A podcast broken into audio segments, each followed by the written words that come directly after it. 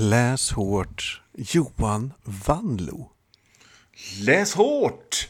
Magnus Dahl. Känns tomt nu när Johan, den andra Johan inte är med. Ja, vi är, ordningen är återställd. Vi är bara två stycken i det här avsnittet. Skönt ändå. Lite grann. Det blir så stökigt. Alltså vi gillar ju Johan. Men eh, det är det här vi är vana vid. Vi ogillar förändring. Ja. Vi är, vi är två rätt trökiga typer som gillar att kura ihop sig och läsa. Och då blir förändring bara nej, oj, konstigt, oj. ja, alltså det är ju trevligt att träffa människor och sådär. Men det är också trevligt att inte träffa människor. Så tycker jag. Ja, jag tycker sannerligen. Allt är trevligt helt Ja. enkelt. Så jäkla trevligt. Du, eh, det här är ju en podd va? Är du Ja. medveten om det? Nätsändning har jag hört att det kallas av pretentiösa typer. Nätsändning? Ja, Var, var... vi säger podd. Ja, det tycker jag vi gör. Jag vill bli mer Stockholm i mitt liv. Jag vill bli mer, jag vill bli mer paddel, mer TikTok, mer elskoter. Då säger vi podd! Vi poddar! Ja. Ursäkta, jag har inte tid med dig just nu. Jag har inte tid att sitta i det här föräldramötet för jag måste gå och podda! Sån vill jag vara. Precis, så den här podden handlar ju om eh, böcker. Vi läser Mm. böcker, pratar om dem. Ja. Ehm, det är många poddar som gör det, men ingen gör det liksom bra, förutom vi, Nej, skulle jag säga. det, det, det, det, det, det vill jag... Det skriver jag under på. En del kanske har lite förfa, liksom författarintervjuer och sånt. Det, det kör inte vi med. Men eh, vi läser. Vi läser och pratar. Upplever och känner och förmedlar detta till, till våra lyssnare. Så jag skulle vilja eh, hitta en väldigt fin, en fin passage i en Tina Turner-låt som jag tycker liksom sammanfattar Läs hårt väldigt bra. Ja, okej. Ja, det, det, jag, jag bara läser här med min fantastiska röst. Jag tänker inte sjunga. Mm, gör det. Hur mycket du än tjatar. Nej, nej. Hon, sjung, hon, hon säger, så här sjunger hon. Du rappar! Nej, nej, nej, nej, nej. nej. ja, men det är bara, så här låter det. Det här är Läs hårt. Mm. What you get is what you see. Ain't nothing more to it. And if you want to love a woman like me, it takes a man to do it. if what you get is what you see, then I don't want your kind of love. Ja, du hör ju själv, det är Läs hårt Ja, i ett nötskal. Det är... Läs hårt i ett nötskal. Tina Turner Ja. sa det Hon bäst. sa det bäst. Du, eh, Jag tror att Tina Turner gillade mycket eh, technotrillers, Tom Clancy och sånt. Hon ser ut som en sån. Ja, men det kanske hon gör. Eller lever hon? Hon lever. Ja. Du, du pratade som att hon var död. Hon gillade. Men hon Nej, kanske men hon- gillade det alltså, förr, jag men faktiskt- inte längre. Jag, grejen är så här, jag, ehm, jag, har, jag läser mycket såna här amerikanska, jävligt snaskiga skvallertidningar. Ja. Det ingår i mitt sånt här tidningsabonnemang. Och där har det skrivits på sista tiden att eh, Tina Turner, 80 år, håller på att get her affairs in order och sånt där för att hon ser slutet komma. Det låter väl smart. Så att, ja. Så hon är en sån där kändis som... Hon kan antingen vara luspank när hon dör. Eller liksom helt Ja. sinnessjukt rik. Men det finns inget mellanting Ja, där tror jag. Nej. Och det verkar vara så jävla slumpartat just. Man hör talas om artisten Gummo One Hit Wonder som är svinrik. Liksom bor i ett slott i, i, i Frankrike och flyger, samlar på helikoptrar för skojs skull och sånt. Och sen så kan man höra om äh, art, artisten har varit på liksom topplistor i 40 år som hankar sig fram och äter ett ägg varje dag och det är allt och åker runt i någon skraltigt. Så det verkar så jävla random. Det verkar Vilka som blir sådana där framförallt... svinrika. Ja, men alltså det verkar så här, har man otur i, i början av sin karriär med liksom skivbolaget eller manager och bara fått dåliga kontrakt, Ja. då, då blir man inte rik, verkar det som. Alltså, Nej. Då är det så här, ah, nej, du har inte rättigheterna till de här låtarna, du får inga pengar. Alltså typ så. Va? Men jag sjöng Eller så är det som- känd över hela världen. Så bara, nej, sorry. Ja, nej. Fuck off. Sen så finns det sådana som Gene Pitney. Som hade liksom några hits på 60-talet sådär. Som, som, så läser man om honom så bara... Ja, men han uppfann någon jävla studiogrej som han har patent på. Som gjorde honom till basiljardär. Ja. Nej, det är, Livet är orättvist. Det är det faktiskt. ja, det är det. Men du Johan, har du läst Ja. något sen, sen sist? Du, det har jag fan i mig gjort! Oh, Du vet, du vet jag, jag pratade om The Only Good Indians av Steve, Stephen Graham Jones. Det var den med den magiska älgen som du raljerade över. just det. Fantastisk älg. Och, och jag, jag, jag blev helt golvad av den boken. Eh, och nu har han kommit med en ny som heter My Heart is a Chainsaw. Bra titel. Ah, Skojar du? Och den, var, alltså, den handlar om en... Eh, Stephen Graham Jones är ju... Eh, han kallar sig själv indian, så då får jag säga det också. Och han skriver ofta eh, eh, liksom böcker som utspelas i, på, på eh, reservat och liksom ungdomar som också är indianer. Och det det är samma sak med den här. Det handlar om en tjej som eh, hon är 17 år och bor i ett dåligt område. Men området eh, ska, ska, ska, ska gentrifieras för det kommer ett helt gäng med stenrika människor. Eh, som ska exploatera eh, ett, ett tidigare liksom, naturområde. Där bor hon och hon är Eh, hon, hon har fruktansvärda familjeförhållanden och hon är ensam och har inga kompisar och hon är besatt av 80-tals slasherfilmer. Hon har liksom verkligen en encyklopedisk kunskap om detta. Och eh, i samband med att de här nya rika människorna eh, flyttar dit så börjar det hända grejer. Kanske blir det en, eh, liksom, är det en slasher som är på gång? Alla 80-tals skräckfilmer nu. Och, ja. Jag ska inte säga mycket mer, men den, den, den, den har likheter med en annan slasherroman, alltså konferensen av Mats Strandberg. Men, men äh, om, man, om man tar The Only Good Indians då, så var ju det en jävligt intensiv läsupplevelse. Det var sådär bra och obehagligt. Jag var glad när den var slut. Den här är mer kul. För att den här tjejen som är berättarrösten är så jävla rolig och... Jag, har, alltså jag kollade svinmycket på skräckfilmer. Skräck är kanske min största genre som jag gillar mest. Så att jag, liksom varenda jävla referens fattar jag. Det behöver man inte göra för att tycka boken är bra. Men jag fatt, och, och jag har ibland gått omkring och tyckt så här. Fan slösar jag bort mina enda tonår på att kolla på massa skräckfilmer för? Och när jag läste den här boken kände jag, för att kunna ta referenserna när jag läste den här boken nu! Och den, alltså, bo, boken är roligare än The Only Good Indians. Eh, den är liksom le, mer det här mysiga man vill ha med skräcken ibland. Att man vill bara vill, man liksom bara okej nu händer det, fan vad gött. Och den, den var makalös, makalös. Och ja, det, ja, det tål att påpekas att det är så kul att människor som, och, som kan skriva på riktigt, som har de litterära eh, handlagen och verktygen, också kan genre. Mm, det är De, trevligt. de föraktar inte genre, utan de... Det, är inte, liksom, jag menar, det finns många exempel på svenska författare som, som tycker så här, ja, en deckare kan väl en apa på en klippa skriva, jag gör väl en, och så gör de det och så blir det skitdåligt.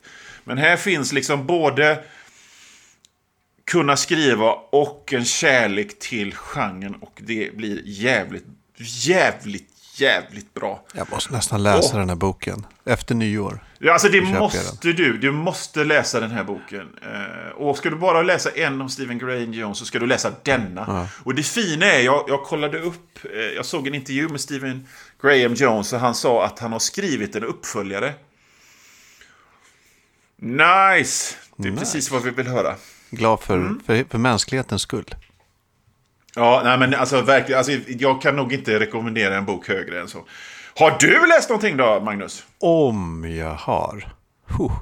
Du, eh, jag, i, i det här läs bokköpstoppsgrejen vi håller på med så eh, Ja. man gräver ju ibland lite djupare i, i vrårna än det här hemma man kanske hade gjort annars. Så Ja. nu tog jag och plockade upp den första boken jag köpte till min Kindle när jag skaffade den eh, typ 2014. Och eh, alltså det var en, en gratisbok som var gratis eh, då. Och fortfarande är gratis Ja. faktiskt online. Online på Kindle Store. Mm. Och då ska du få höra. Eh, du vet, man bara tar något för att lära sig hur det funkar. Liksom. Ja. Och då var det Vera Nazarians eh, roman The Cobweb Bride. Jag gillar ju Vera Nazarian. Jag har läst eh, en hel del av henne tidigare. Eh, En av de bästa böckerna jag läst är hennes Dreams of the Compass Rose. Eh, Jag har även nämnt Lords of the Rainbow tror jag här i podden tidigare. Men den här The Cobweb Bride, som då är en gratisbok, del 1 i en trilogi. ja. Den är... Den är bra. Den var jävligt bra. Jag, var så här, jag blev lite Kul. golvad för det är jättefult omslag. Eh, upplägget är jävligt corny. Så här. Eh, döden uppenbarar sig och säger eh, tills, ni, tills jag får min cobweb bride så kommer ingen människa, eller kommer ingenting mer att dö i världen. Mm. Och ingen vet vad cob, vem, vem eller vad en cobweb bride är. Eh, men det hela slutar, ja, folk slutar dö. Alltså om du får huvudet avhugget så dör du inte. Då har du bara en kropp som lever och ett huvud som lever. och det är så jävla, det beskrivs så brutalt där. För man får många så här point of view från folk som just när de dör. Eh, och och det, det är så jävla brutalt. Det är så, så otroligt... Bara, ja, man får liksom så här kalla kårar nästan i, i hur det beskrivs. Eh, ja, men så det var en jäkla glad överraskning. The Cobweb Bride. Jag måste bara flika in att, att eh, den här, det konceptet att ingen dör. Ja, Det bara slog mig när du sa det här liksom att vad fan, vad fan känner jag igen det ifrån? Jo, jag känner igen det från Marvel-serien Secret Wars 2 ifrån 1986 eller någonting. När någon får The Beyonders krafter och plötsligt bestämmer sig att ingen ska dö mer. Och så blir det liksom liknande grejer. Det är typ en grej på bara en, en, en sida eller någonting. Ja. Ja, det, det var... Det, det, det, satt, det fanns kvar, ja men kul. onekligen. Ja, men kanske att jag läser fortsättningen på, på den här boken vid tillfälle. Eh, Men du, eh, vad, vad, vad, vad, den är gratis Ja, fortfarande? den alltså, är man kanske gratis. skulle Det verkar vara plugga så här, den. har, den har varit gratis sedan 2014 nu helt enkelt. Eh, del två kostar och del tre kostar. Mm. Så det är, det, är, det är det här knarklangartricket. Första är gratis. Har du läst något mer? Åh du, jag har ju läst eh, T. Kingfishers nya Paladins Hope. Okej, Fem plus såklart. Okej. Riktigt, riktigt bra. Alltså rakt igenom Du, bra. Fantastisk. Underbar. ja. Det är... Det, Ehm. det, det, det innehåll, boken innehåller en, en dungeon av typ så rollspelskaraktär. Bara ett grottsystem, konstigt, ingen fattar vad det är. Det är bara massa konstiga fällor och sådär. Och de bara, vad va, vad är det här? Var, vem fan har byggt det här? Går de runt och så. Ja, ja, den är eh, svinabra. Du, alltså jag, jag försökte i somras att läsa en T. Kingfisher. Ja, vilken då? Eh, jag försökte läsa The Twisted Ones. Ja, skräckis. Eh, ja, det är en skräckis. Ehm, för jag tänkte att, eh, så att vi skulle kunna ha någonting att prata om. Och jag gillade premissen. Men jag kom fan inte igenom den. Jag vet inte vad det var. Men den är en young adult. Det kan vara det som störde mig, liksom att det var lite för stumt. Är det en young adult? Det kanske det är. Ja, Ja, men det, pröva en annan. det är genrebeteckningen. Ja, ja, ska jag göra det. Gör det. Men du, Magnus. Medan vi ändå vi pratar om det här eh, köpstoppet. Det har ju varit en, en röd tråd genom det här eh, året. Det var ju för att jag... För att dra en resumé. Jag har hoardingproblem och bestämde mig för att jag ska inte köpa en enda ny bok, eh, förutom läs hårt-böckerna, under hela 2021. Utan jag ska läsa det jag har istället. Eh, och nu då så börjar vi närma oss slutet på det hela och jag har insett några saker om mig själv. Och det är att jag tror nog att jag aldrig kommer att liksom köpa böcker sådär desperat någonsin mer. För att det där har jag vant mig av ifrån. Det var Samtidigt en så känner jag positiv också... utveckling för dig, men kanske inte för Det en bokbranschen. Nej, men samtidigt så känner jag också att men vad fan skulle jag vara en sån jävla drama queen för? Jag blir ju glad av att köpa böcker. Fast inte enbart Liksom. glad verkar det som. Nej, nej. Men jag är i alla fall, jag är i alla fall glad att, att, att det börjar närma sig slutet nu så att jag typ kan ja, köpa böcker igen. Och kanske inte på det här desperata...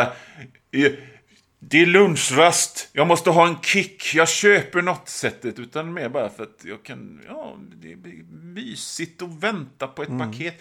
Men vad jag försöker leda fram till här, det är ju... Vad, vad, hur har det funkat för dig? Har du fått några effekter hos dig? Var det någonting som var konstruktivt överhuvudtaget alls? Eller var det bara liksom en dum jävla grej?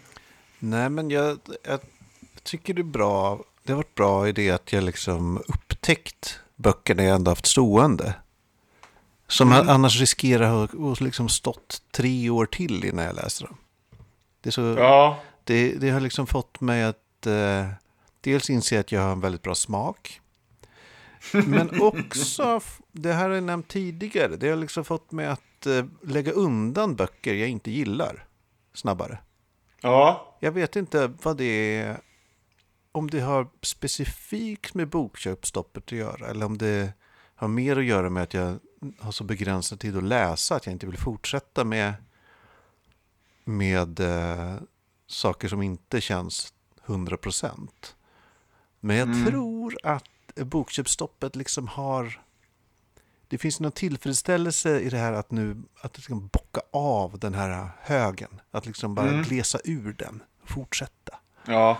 Eh, Så det, det har varit nice. Jag, eh, nu nyligen gav jag mig på för tredje gången att läsa Patricia McKillips uh, Riddle Master of Head-trilogi.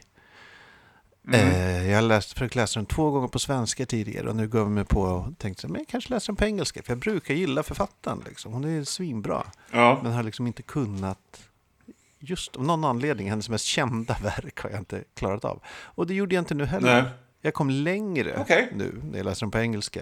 Men sen bara, nej, jag, det här det är inte för mig. Då lägger jag undan den. Nej.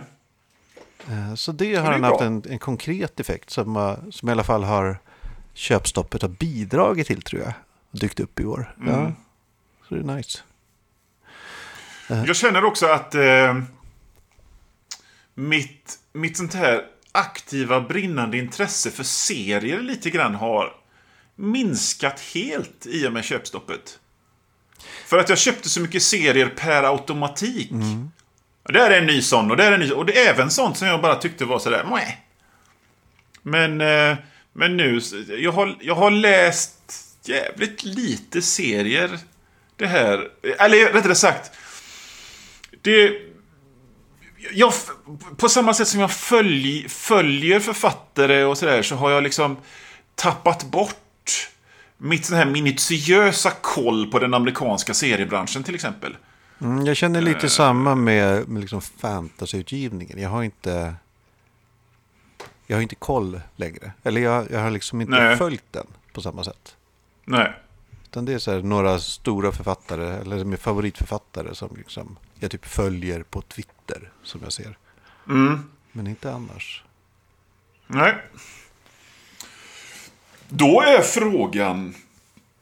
Eh, Hade du någonting, någonting som du funderat över? Det. Det som vi kallar spaning. Nej, men det, det har jag faktiskt. Men först tänkte jag bara berätta att vi har, jag har fått två, två böcker skickat till mig. Ja, ja, bra. Det måste Det vi. är dels eh, George Johanssons Datorernas död. Den har jag också fått. Och vet du vad? Tack så mycket förlaget. Eh, förlaget som Daniel Leto AB skickade den här till mig i juni. Vet du när Mm. den kom fram? Nej. Slut av september. Jag har ingen aning om vad det var. Den måste bara legat i någon postterminal liksom i tre månader. Men till slut kom Ja, den. men då fi- Det måste vara samma för oss, för jag fick min hyfsat nyss också. Ja. Jag kollade inte upp det, men jag fick min... Nästan senare, tror Det är jag. sant. Ja. Ja, men det verkar vara en nice bok. Jag har inte läst den än. Eh, Just för att jag typ precis fick den. Eh, Ja. Men det är ju samma som när vi läste, vad heter det, Universums öde, eller vad heter den? Det är liksom en nyutgivning av en gammal Ja. sci-fi-klassiker. Så det är nice. Så jag har också fått Ja. Ingemar Fredmans epistlar. Ett eh, äventyr till det svenska rollspelet, eller till den svenska utgåvan av rollspelet Call of Cthulhu. Eh, Just det, den har jag också fått. Skriven av Anders Fager, bland annat. Mm. Eh, jag spelar ju inte Call of Cthulhu. Jag spelar ju knappt rollspel alls längre. För när fan ska Mm. jag hinna det? Men jag uppskattar verkligen eh, att det finns en svensk Call of Cthulhu. Det är härligt. Och att de har en utgivning. Det är inte bara att de ger ut regelboken och sen händer inget. Utan de, de pumpar ut material. Svenskt material. Det är bra, inte bara översättning. Eh, jag, jag kände liksom att den här får du ta, för att jag har ju ingen erfarenhet av er, eh, rollspel överhuvudtaget. Och det enda jag har läst av Anders Fager tidigare var ju den här, vars namn jag inte kommer på just nu, som var tecknad av min vän Peter Bergting. Kråkorna eller något Eh, sånt. Så jag kan...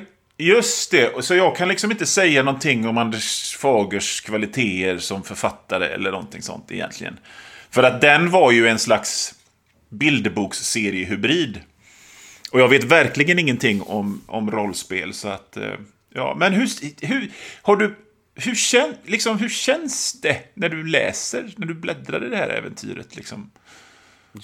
Känns det bra för att vara svenskt eller känns det bra? Jag eller är vad? framförallt sugen på att spela. Mm. Alltså, och grejen är bra för att vara svenskt. Jag skulle säga att bra för, bra för att vara svenskt är liksom bra för att vara internationellt. Alltså det är... Sverige är liksom i topp... To, eh, eh, Okej. Toppligan när det gäller sånt här. Men eh, du, en annan grej. En helt annan grej. Eh, Mm. Vi har ju sålt vår lägenhet. Okej. Eh, och då, eftersom vi har liksom jobb och barn och eh, allmänt utmattade människor så tog vi in en, en sån här stylist som skulle homestyla hemma hos oss inför Ja. försäljningen. Och så här. Foto, Ja. fotografera och allt vad det är. Bara, ah, du vet hur man gör. Eh, Ja, jag och vet hur man gör. då- Det är vitt och fräscht. Du.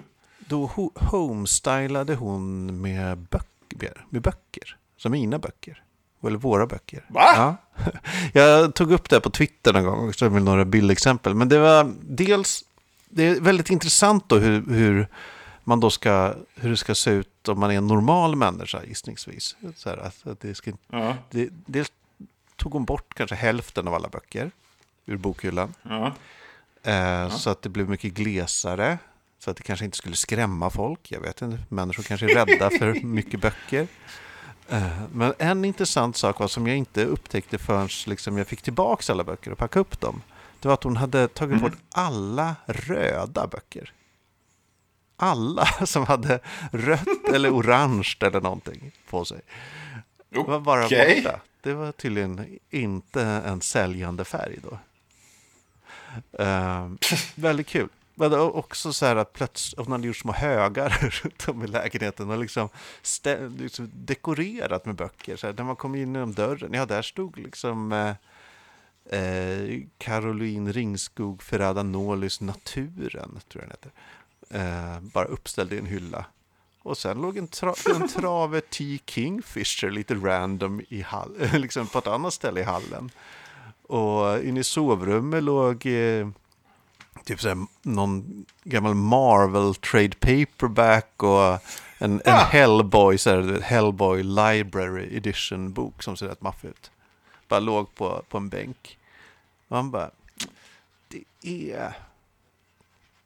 Det är lite konstigt. Det är jävligt konstigt skulle jag säga.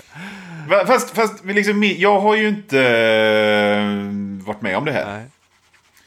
Eh, vi fick våran lägenhet, eh, liksom, eller liksom, våra, vi har bott i samma lägenhet i, vad fan blir det, 18 år snart. Så att, jag kommer inte ihåg hur vi, fan vi gjorde, vi hade i alla fall ingen professionell homestyling att prata om. För att det var inte den typen av affär. Men mitt intryck av hela den här branschen är ju liksom att det... Folk har ju bara liksom, nej, kasta alla böcker. Det är ju ändå lite kul att de använder böcker som en... Som pryl. Jag menar, jag, jag, alltså, jo, men jag tycker ju böcker är prydnad. Eh, för att för, för, för ett, ett, ett hemtrevligt hem är fyllt med böcker för att böckerna representerar någonting fint och bra för mig.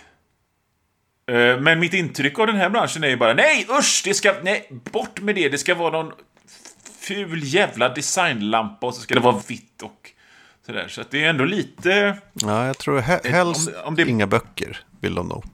Det tror jag. ja ja. Eh, Men det är ändå kul att de Ja. frontade med lite Marvel Trade Paperbacks ändå. det är kul att se liksom hur... Hur, hur, hur, hur, ja, om det ska vara, hur det ska vara när det är normala människor kanske. Men jag tror hon hade egentligen velat ta bort ännu mer böcker, men hon orkade nog bara inte. Det Nej. för mycket. Hon var ganska kort Jag tycker också. det är Jag så jävla hon my- nådde högst upp. Hög, högst upp. Jag tycker det är så jävla mysigt att bara hantera böcker. Ja, och bläddra. Bara att liksom flytta och damma böcker och sortera lite. Och liksom, en av mina bästa lördagar i den här hösten när jag bestämde mig för att vi skulle dela upp jag och min frus hyllor så att hon hade, hade ett system och jag hade ett annat. Med bara mina och bara hennes. Liksom. Och ställa grejer i högar och sortera. Där har vi oläst. Där... Gud, Ja. Det här är det, nästan det jag ser fram emot mest med att flytta nu. En ny lägenhet, nya bokhyllor. Packa Ja. upp böckerna, ställa dem. Ja. Oh. Kanske blir man sittande lite för länge. Det tar ganska lång tid. Man, man tittar lite på en bok. Kanske har man läst den lite innan man ställer upp den i hyllan. Mm. Jag tror det kommer bli jäkla fint. Alltså jävla avundsjuk direkt nästan. Men du, ska vi... Du, vi har ju läst en bok till det här avsnittet. Det, Ja, det som vi. heter Barn, serier, samhälle av Nils Bejerot. Det var du som valde den Just Johan. det. Du får berätta. Vad är det här? Ja. Vad, har, vad har du gjort? Ja, det här är ju en... Eh, på 50-talet, det här känner de flesta till som lyssnar på det här programmet i alla fall. I USA på 50-talet så kom det en bok som heter Seduction of the Innocent av Fredrik Wertham.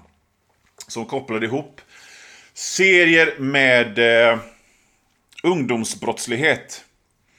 Och den stridbara debattören Nils Bejerot eh, som väl mest är...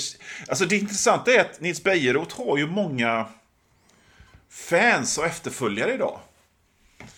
Fortfarande. Konstigt. Eh, ja, men i alla fall han, han, han, han, det är han som är arkitekten bakom den svenska narkotikapolitiken och så vidare. Jag tänker inte gå in på den grejen, för jag har inga åsikter om sånt. Jag tycker liksom inte weed är roligt och sånt där. Så jag, jag skiter i det, men man kan ju, man kan ju... Den här boken då är ju en flammande stridsskrift mot serier. Det är det.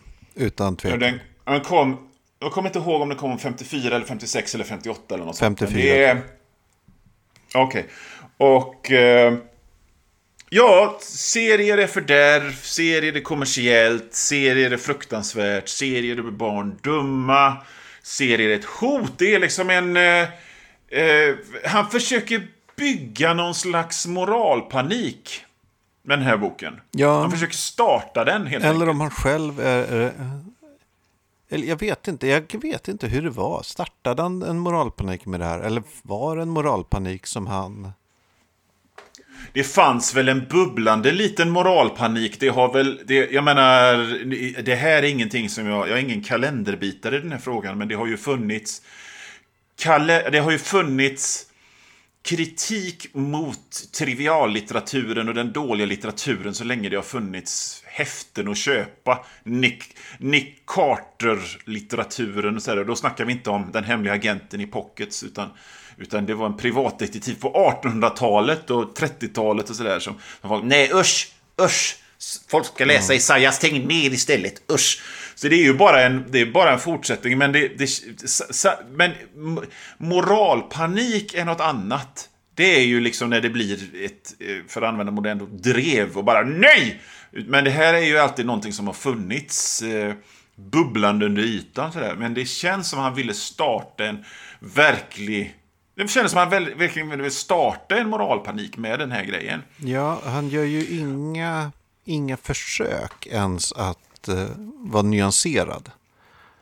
Nej, kan, alltså, nej, nej, nej. Jag gissar, det... är man helt clueless och lite naiv och sådär kanske man ty kan tycka att det är nyanserat. Men det är ju så väldigt snabbt som han börjar liksom med negativt eh, laddade ord för att beskriva serier. Alltså typ på sida ett. Sådär.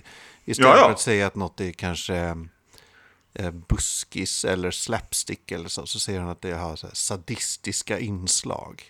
Alltså det är, det, det är ja. liksom på en gång börjar det. Finns inte ens en försök att så här, vagga in läsaren i någon sorts om man, om man går ifrån boken lite och bara går in på det här med moralpanik så har jag ju levt igenom några goa liksom, moralpaniker under min livstid. Och det är ju hårdrock och det är videovåld och tv-spel och sådär. Och det är alltid de som ingenting vet om saken som sätter agendan. Så är det verkligen. Liksom det, det, det, det, det för att just under skräckfilmsdebatten och videovåldsdebatten, så när man, när man, när man läser de inläggen och de böckerna idag, så, så tittar man... Men du har ju inte sett de här filmerna. Du vet ju, det här är ju bara... Du har hört någon som har kanske sett med ögonvrån någonting och så ljuger du ihop någonting. För det, det finns ingen, det finns ingen film som, som, som som, som ens liknar det här du beskriver. Och likadant så tycker jag liksom ändå det är ändå en människa som inte har det minsta intresse för serier. Mm. Som inte kan se något värde i serier överhuvudtaget. Jag tycker det är lite konstigt att en sån person skriver om serier då, eller? Ja, det är väl bara sådana som kan göra det på det här sättet. För alla som är insatta vet ju att det inte är så som han skriver. Alltså jag kan ju hålla med om... För att han är ju inte... Alltså han, han, han, han gillar ju några serier. Alltså det är mitt, mitt i allt så här. Mitt i alltihopa så hyllar han Lucky Luke. Och Prins Valiant av någon anledning. Prins Valiant och, och uh, Crazy Cat och Pogo och sånt. Och i jämförelse med dem så kan jag förstå att den konstnärliga kvaliteten i massproducerade serietidnings-västernserier är kanske inte så hög. Det, det, jag menar, det, det håller jag med om, men... Men det, liksom, det fin, han har inga verktyg att kunna se det nyanserat till att börja med överhuvudtaget. Och det är ju liksom lite skrämmande att sådana människor blir så... De sätter agendan, det gör mig liksom lite ledsen. Det, att, att det blir så liksom. Men man kan ju dra paralleller med debatten om gangsterrap nu när, när eh, liksom, Timbro-filosofer som bara lyssnat på Prokofjev i hela sitt liv plötsligt ska uttala sig om gangsterrap utan att ens ha förutsättningarna för att förstå mm. det. det ja. ja men... men för att återgå till boken då. Ja, Eddie, du skulle säga ja, men Jag tänkte precis bara, det är liksom bytt ut eh, bytt ut ordet serietidningar i den här boken till typ eh, skärmtid eller whatever. Ja. Så är det, alltså det är samma argument i det här som, man, som dyker upp i liksom alla moralpaniker. Att liksom, va- vare sig det är rollspel eller nätporr eller whatever. Utan det är liksom exakt samma argument hela tiden. Förstör barn, förstör hjärnan, förstör Ja, och- och- läsförmågan och så vidare. Och det finns aldrig någon, det finns aldrig några siffror att prata om. Inte, inte i den här boken, aldrig när jag har hört det här, utan det är bara anekdotiska exempel på... Och hänvisningar Som till drar. forskning. Inte själva forskningen, utan hänvisningar. Nej, hänvisning till forskningen. Säger, vi hänvisar till forskningen. Det var en pojke i... Och nu bara hittar jag på vad det skulle kunna stå i den här boken. I St. Louis som slog sin mamma och det hittade serietidningar där. Men det är ju inget... Det är ju motsatsen till forskning. Ju. Men jag tänker på det här, en grej som slår mig när jag läser den här, det är ju att allt, allt som är otäckt eller inte positivt ska överhuvudtaget inte få förekomma. Det är det, är det här som du sa förut om, om, om slapstick, liksom skämtserier där figurerna är dumma och gnidna, ja då fokuserar han på att de är dumma och gnidna. Men han fattar inte att det, det är ju därför att det är ju därför det är roligt att figurerna är dumma och gnidna. Jag tänkte på, det finns ju en, en, en så här, klassiskt uttryck som är krigets första offer i sanningen. Mm. Men här, jag tänker att moralpanikens första offer är humorn. Eller förstå, att förs, man förs, de slutar förstå humor. De Ja, fattar inte, de kan inte se skillnad på att något är ett skämt och att något är blodigt allvar, utan allt är blodigt Nej, allvar. precis. ja, och det är ju en jävligt bra härskarteknik. Den ser man ju än idag. Ja. Liksom. Att, att, för att humor är ju en överenskommelse. Det är den som gör humor som säger okej, detta är det roliga. Ja, det ju, Här är det roliga. är liksom Och- så många Instagram-drev det senaste decenniet är ju baserat just på den här principen. Man slutar se uppenbara skämt som skämt, utan som Jaha, så du vill mörda barn? Alltså typ. Ja, ja, och det, det, det, och det är så jävla kraftfullt för att, för att eh, som sagt, humor, men det är inte bara humor, utan det är ju drama också. Ja, men det är en allmän oförmåga att liksom förstå gen- genre. Förstå genrekonventioner. Ja. Berättarkonventioner på något sätt. Nej, men bara en sån, men bara en sån, sån enkel sak som drama. Jag menar, drama är ju konflikt. Och om man tycker då att konf ja, men konflikt är väl dumt? Ja, men då finns det ju ingenting att ta fasta på. Han skriver så här, jag har strukit under en, en, en, eh, en mening i boken. Det obligatoriska bankrånet i varje vilda västern-serie syftandes då på att ja, då skjuter de pistoler och hotar folk och tar pengar. Men snälla, jag är liksom, vad, vad, vad, hade det varit annat då? Vad, vad, vad, då finns det ju ingenting. Det lilla huset Om man inte har en konflikt. Ja, och det är ju skittråkigt. Ja, men det, det är ju något, eh, det är ju något konstigt i allt det här. Jag vet inte vad som är drivkraften. Är, är, jag hoppas att han på riktigt tycker det här. Att han på riktigt är rädd för att serier ska förstöra barndom. På samma sätt som jag hoppas att liksom, de som var mot videovåld på riktigt var det. Var liksom rädda. Ja. För annars är det ju här helt vansinne. Ja. Alltså att göra Eh. det här i någon sorts eh, bara... Det är ju inte vetenskap alls. Alltså inte Nej. ens, eh, vad heter den, Vertnam, eller vad hette den där amerikanska? Wertham, Fredrik Ja, Wertham. som eh, refereras till jättemycket i den här boken. Han ägnar sig inte heller åt vetenskap. Han ägnar sig åt något som såg ut som vetenskap. Ja. Men liksom, liksom inte, ja, vad heter inte så här positivistisk vetenskap. Utan jag kommer inte ihåg exakt hur det var. Jag gick, läste ju en, en serie om moralpaniker genom tidningarna rätt nyligen. Och det togs ju Wertham upp. Och som jag minns det var det väl ungefär att hans forskning gick till att så här, okej, här har vi hundra barn som har eh, sitt, liksom, eh, rånat någon. Hur många av dem Ja. har serietidningar hemma? Ja, Ja. 95 av dem hade det. Så det, där ser vi då att eh, att serier leder till att folk rånar. Alltså det blir så här bakvänd bevisföring, eller det blir inte ens bevisföring, det blir, liksom, det blir bara helt fel. Det... Jag, jag tänkte, jag, jag, har, jag har ett svar på den här frågan. Ja. Faktiskt. Men den tänker jag att vi tar sist. För det blir en perfekt liten keps att sätta på det här. Uh, men, men, men, men grejen är liksom... Uh,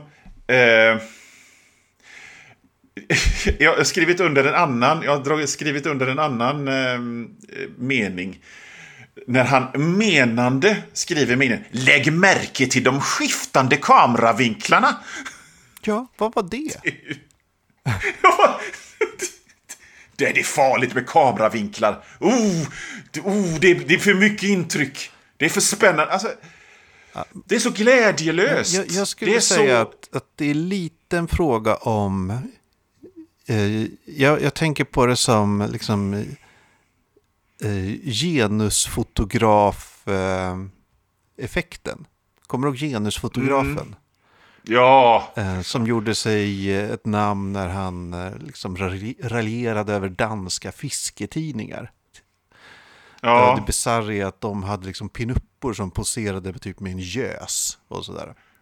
Och det var liksom ett av de bästa humoristiska koncept jag någonsin sett. När han, han, han förde fram detta och visade, titta, titta, titta på ondskan så gjorde jag inget annat än att skrattade rakt ut, för det var ju fantastiskt roligt. Men grejen var, i början av hans karriär så, hade han, så var det liksom, ja det finns en poäng, han har en poäng i att det är bisarrt och sexistiskt att pinuppor ja, poserar ja. med fiskar.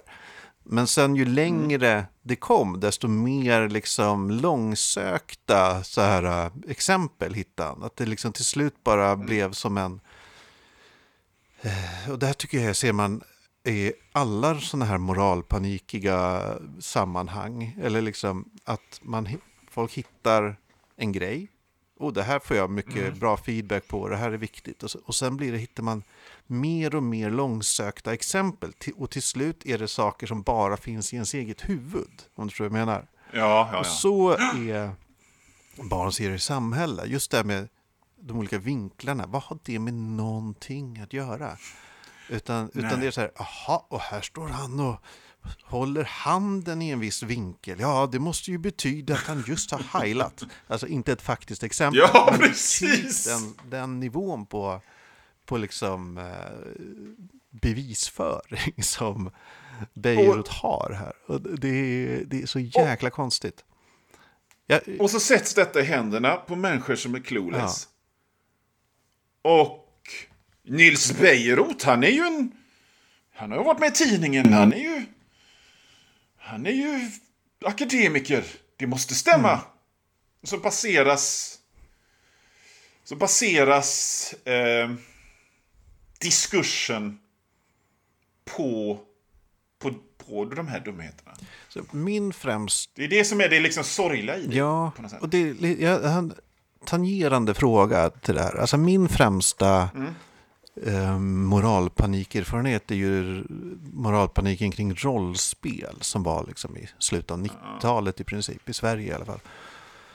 Eh, ja. Där gav eh, Diddy Örnstedt och Björn Sjöstedt ut en bok som heter De övergivnas armé. Som är, det är typ mm. barnseriesamhälle fast om rollspel. Det följer exakt samma mm. playbook så att säga. Och mm i den boken så det är massa konspirationsteorier och liksom det dras väldigt stora växlar på väldigt små detaljer och det är saker som, eftersom jag är väldigt insatt, eh, så ser man att det här är liksom bara rena felaktigheter. Eh, typ de säger att saker är rollspel som inte är rollspel, utan kanske ett brädspel. De, men du vet, man märker att de inte har koll. Eh, mm. Men, och det här tog i, i, ett gammalt gammalt avsnitt av Flumskolan, podden, så avhandlar de just de övergivnas armé. Och där eh, sa jo Johanna Koljonen att alltså, boken tar upp eh, det finns liksom legitim kritik, viktig kritik av rollspelshobbyn i den här boken. Men den överskuggas av liksom all galenskap. Och att det är synd, för den här legitima kritiken hade behövt diskuteras eh, redan på 90-talet. Men istället blev det liksom uppskjutet 15 år för att hela hobbyn gick, liksom slöt sig och hade taggarna utåt. Och All kritik avfärdades som okunnighet och liksom så här, eh, moralpanik. Ser du att det i, att det liksom, i den här barnseriens samhälle och i serietidningsmoralpaniken i stort, att det liksom har funnits legitim kritik alls? Eller tycker du att det är... Eh, han... Alltså, det, det, jag, har ju, jag har ju rört vid det lite grann här att... Eh, tidigare att... Ja, mycket av det här som... Som han tar upp. Alltså det fanns ju en distinktion mellan serier och serier i USA som inte vi har här. Det ena är ju dagstidningsserier. Det, är, det var ju status. Och eh, de som tecknade dem var eh, stora stjärnor som tjänade mycket pengar. Och sen så samlades de till serietidningar. Eh, och sen så ble, gick det så bra så att de började göra serier. De började liksom verkligen baja ut serier en, gjort enkom för serietidningar. Och de här serierna, med några undantag, så var det mycket så här att de, de, de de, det var dåligt betalt och det var ofta dålig kvalitet och det var ju onekligen så att de sökte någon slags chockeffekt. Och sådär, så att just den, den konstnärliga kvaliteten är ju oftast ganska låg på de här. Liksom, det var tecknare som, som, som ritade tre sidor västernserier med pang-pang varje dag och som helst av allt skulle vilja vara liksom magasinsillustratör. Det är ju klart att det inte har så stor kvalitet egentligen. Och det har han ju rätt i. Men det är ju på den trashiga botten som serierna idag står på. För det kom ju människor då som, som såg det här och, och, och, och tyckte det var bra och som kände liksom, men det här, det här gillar jag. Jag, jag häller i, jag tar den ingrediensen och så häller jag i min egen konstnärlighet i det. Så det blir någonting helt annat. Så att jag menar, om, vi, om det inte hade varit för utbajsade jävla superhjälteserier från småförlag så, så hade vi inte haft Love and Rockets idag och så vidare. Men han har, han, ju- just den lilla, lilla, lilla grejen tycker jag han har rätt i. Och det var ju på samma sätt som att förlagen såg ju det här som en kassako så att de, de la inte ner så mycket um, kraft på... De såg bara det här som ett sätt att tjäna pengar så de la inte ner så mycket energi på grejerna. De, de brydde sig inte om att göra det bra. Det var inga, inga eldsjälar ju- för, för seriemediet riktigt. Utan det var krass kommers. Nej. och- Ja, jag har ju hört skräckhistorier om översättare som hatade det de gjorde och bara liksom tyckte allting det var dåligt så de, de bestämde sig för att sabotera det. Och jag, liksom, och som serieläsare så, så vet man ju om man försöker läsa Mar svenska Marvel-tidningar och försöka följa med överhuvudtaget är det omöjligt för de bara de tryckte sakerna ur ordning och så det fanns ingen, ingen, ingen brydde sig. Mm. Så ja, det har han rätt i, men det, det är väl ändå allt. Och det är ju en... Om, den, om barnseriers samhälle är en meter så är den där lilla kritiken en halv decimeter som jag kan hålla med om. Faktiskt. Eh, Men jag vill bara säga en sak. Liksom förut så ställde du en fråga om Nils Beirut eh, var rädd för det här på riktigt. Seriefrämjandet ger ut en mycket bra bokserie som heter Den svenska seriehistorien. Eh, och där, alltså... Då finns det en intervju med en person. Eh, jag skulle ha läst igenom det här eh, mycket bättre. Men i alla fall, eh, Barn, ser och samhälle gavs ut av eh, Folket i Bild. Eh, och de hade också en barnbokserie som hette De Gyllene Böckerna. Och Folket i Bild såg serier som ett hot mot försäljningen. Den, det är en rent krasst kommersiell orsak. Att, att de, de, de, de såg hur serietidningarna höll på att konkurrera ut Fibs gyllene böcker. Så därför, så i alla fall enligt den här intervjun med den här personen, så, så var det så att Barn, serie och samhälle var helt enkelt ett beställningsjobb från Folket i Bild till Nils Bejerot. Hörde du, ta... Fan! De här jävla serietidningarna. Folk vill ju hellre ha serietidningar än våra fina gyllene böcker. Ta och skriv någonting så det blir datt så vi får tyst på den här, får få bort den här skiten. Uh, och här finns, en, här, finns en, eh, här finns en väldigt pikant liten passage i den här intervjun. Då, då säger den här personen, det roliga historien när det gäller Bejerot är att Bejerot var god vän med Bo All som med tiden blev verkställande direktör på illustrerade klassiker. Och Boal var också serietidningsförlagschef. Senare hamnade även jag på det förlaget och då fick jag höra att Bejerots barn, de fick inte läsa serier. Men varje gång Bejerot var bortrest kom de hem till familjen All och lånade alla serietidningar de kunde hitta. Ja. Jag vet inte om det här är sant eller om det är en sanning med modifikation eller vad fan det är. Men det är pikant. Och jag menar, eh, nu gör jag väl kanske mig skyldig till en sån här anekdotisk bevisföring. Men det här känner man ju igen. Jag menar, den här, eh, du vet Orson Welles Världarnas krig. Mm. Eh, grejen med att det blev panik. Folk trodde att det var en riktig rymdinvasion. Det är ju en tidningsanka. Beställd av dagstidningsförlaget som kände Fan, folk lyssnar på radio istället för att läsa tidningar. Det här är ju samma sak. Jag läste nyligen en artikel, eh, kommer inte ihåg var, källa internet, som eh, berättade att ja. så, eh, de som forskar på, eh, vad heter det, ja men typ eh, Englands historia kring 1800-talet, början, så, början 1900-talet eh, har ett problem i att eh, de inte kan lita på tidningskällor. För de, det krävs väldigt mycket energi att avgöra om så här, okej, okay, den här grejen som de skrivit om nu i två veckors tid, gett jättemycket utrymme i spalterna. Är det något som hände på riktigt eller är det bara något de kör med nu? Alltså, att, så extremt... Uh, um, mm. Så ja.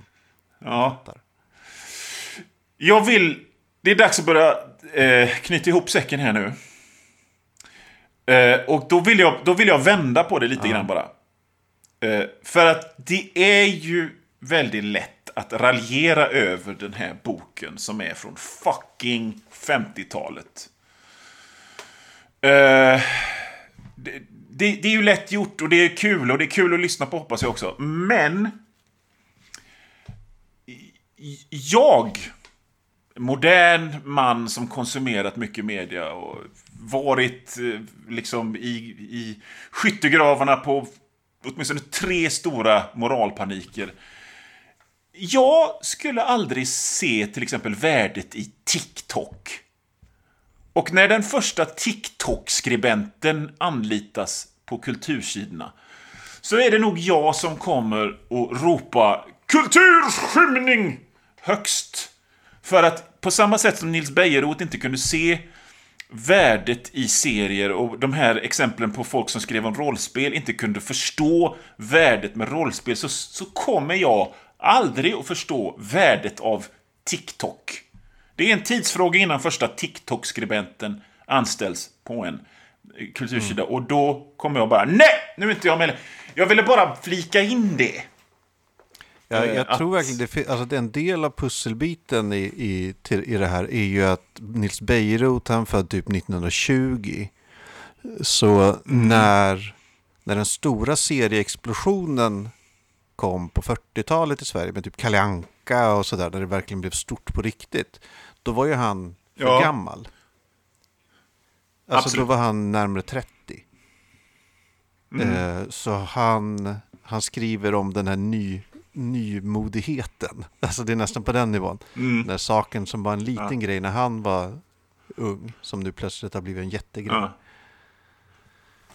Eh, Det tror jag.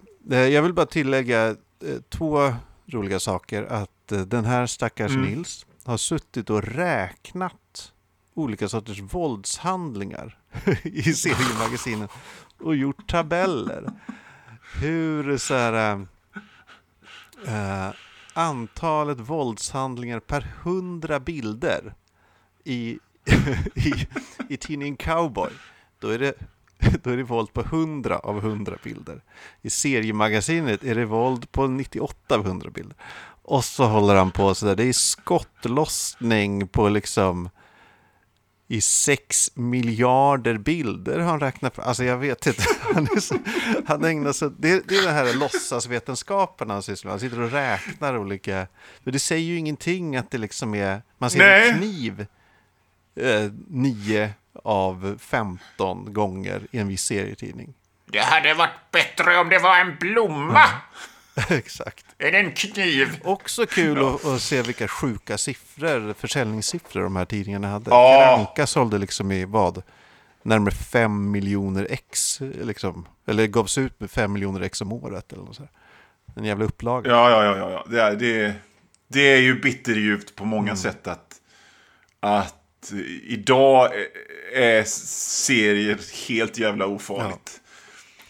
På samma sätt för att det knappt finns. Men alltså alla serier Liksom, om som man tittar finns. på det eh, jag köper ju en del serier till min, eh, mina barn. På Pressbyrån och Ja. 7-Eleven och sådär. Och det är ju egentligen, det är, det är ritböcker med några plastleksaker. Och så är det Mm. fyra sidor av någon serie. Över, översatt från Ja. engelska. Så, um, Ja. så kul är det inte. Nej, Och med de glada orden. men... Eh, Nej, men jag måste, jag måste Ja. tyvärr återvända till mitt jobb. Eh, ja, men jag vill bara säga att det är en underhållande bok att läsa. Men inte på det sättet som Nils Bejerot eh, kanske avsåg. Nej. Nej, alltså vi har inte Du, ens börjat, jag har, vi har inte ens börjat prata om, jag har så många så här frireligiösa konspirationsteorier som jag, jag tror att det, det, alltså alla de här moralpanikerna som kommer till Sverige, att de importeras eh, via eh, så här, mm, ja, den svenska frikyrkan, de fria kyr, liksom, för att det är en sån internationell community. Jag tror att det alltid har Ja, varit så. nej, att de det- möts på något stort, liksom, stort bönemöte i Prag eller något. Och så pratar de och så, oj vad fan de här serierna, nej herregud. Ja, Här finns ju bilder på knivar! ja exakt. Ska vi ha det så? Du, ska jag berätta vad vi ska läsa till nästa gång?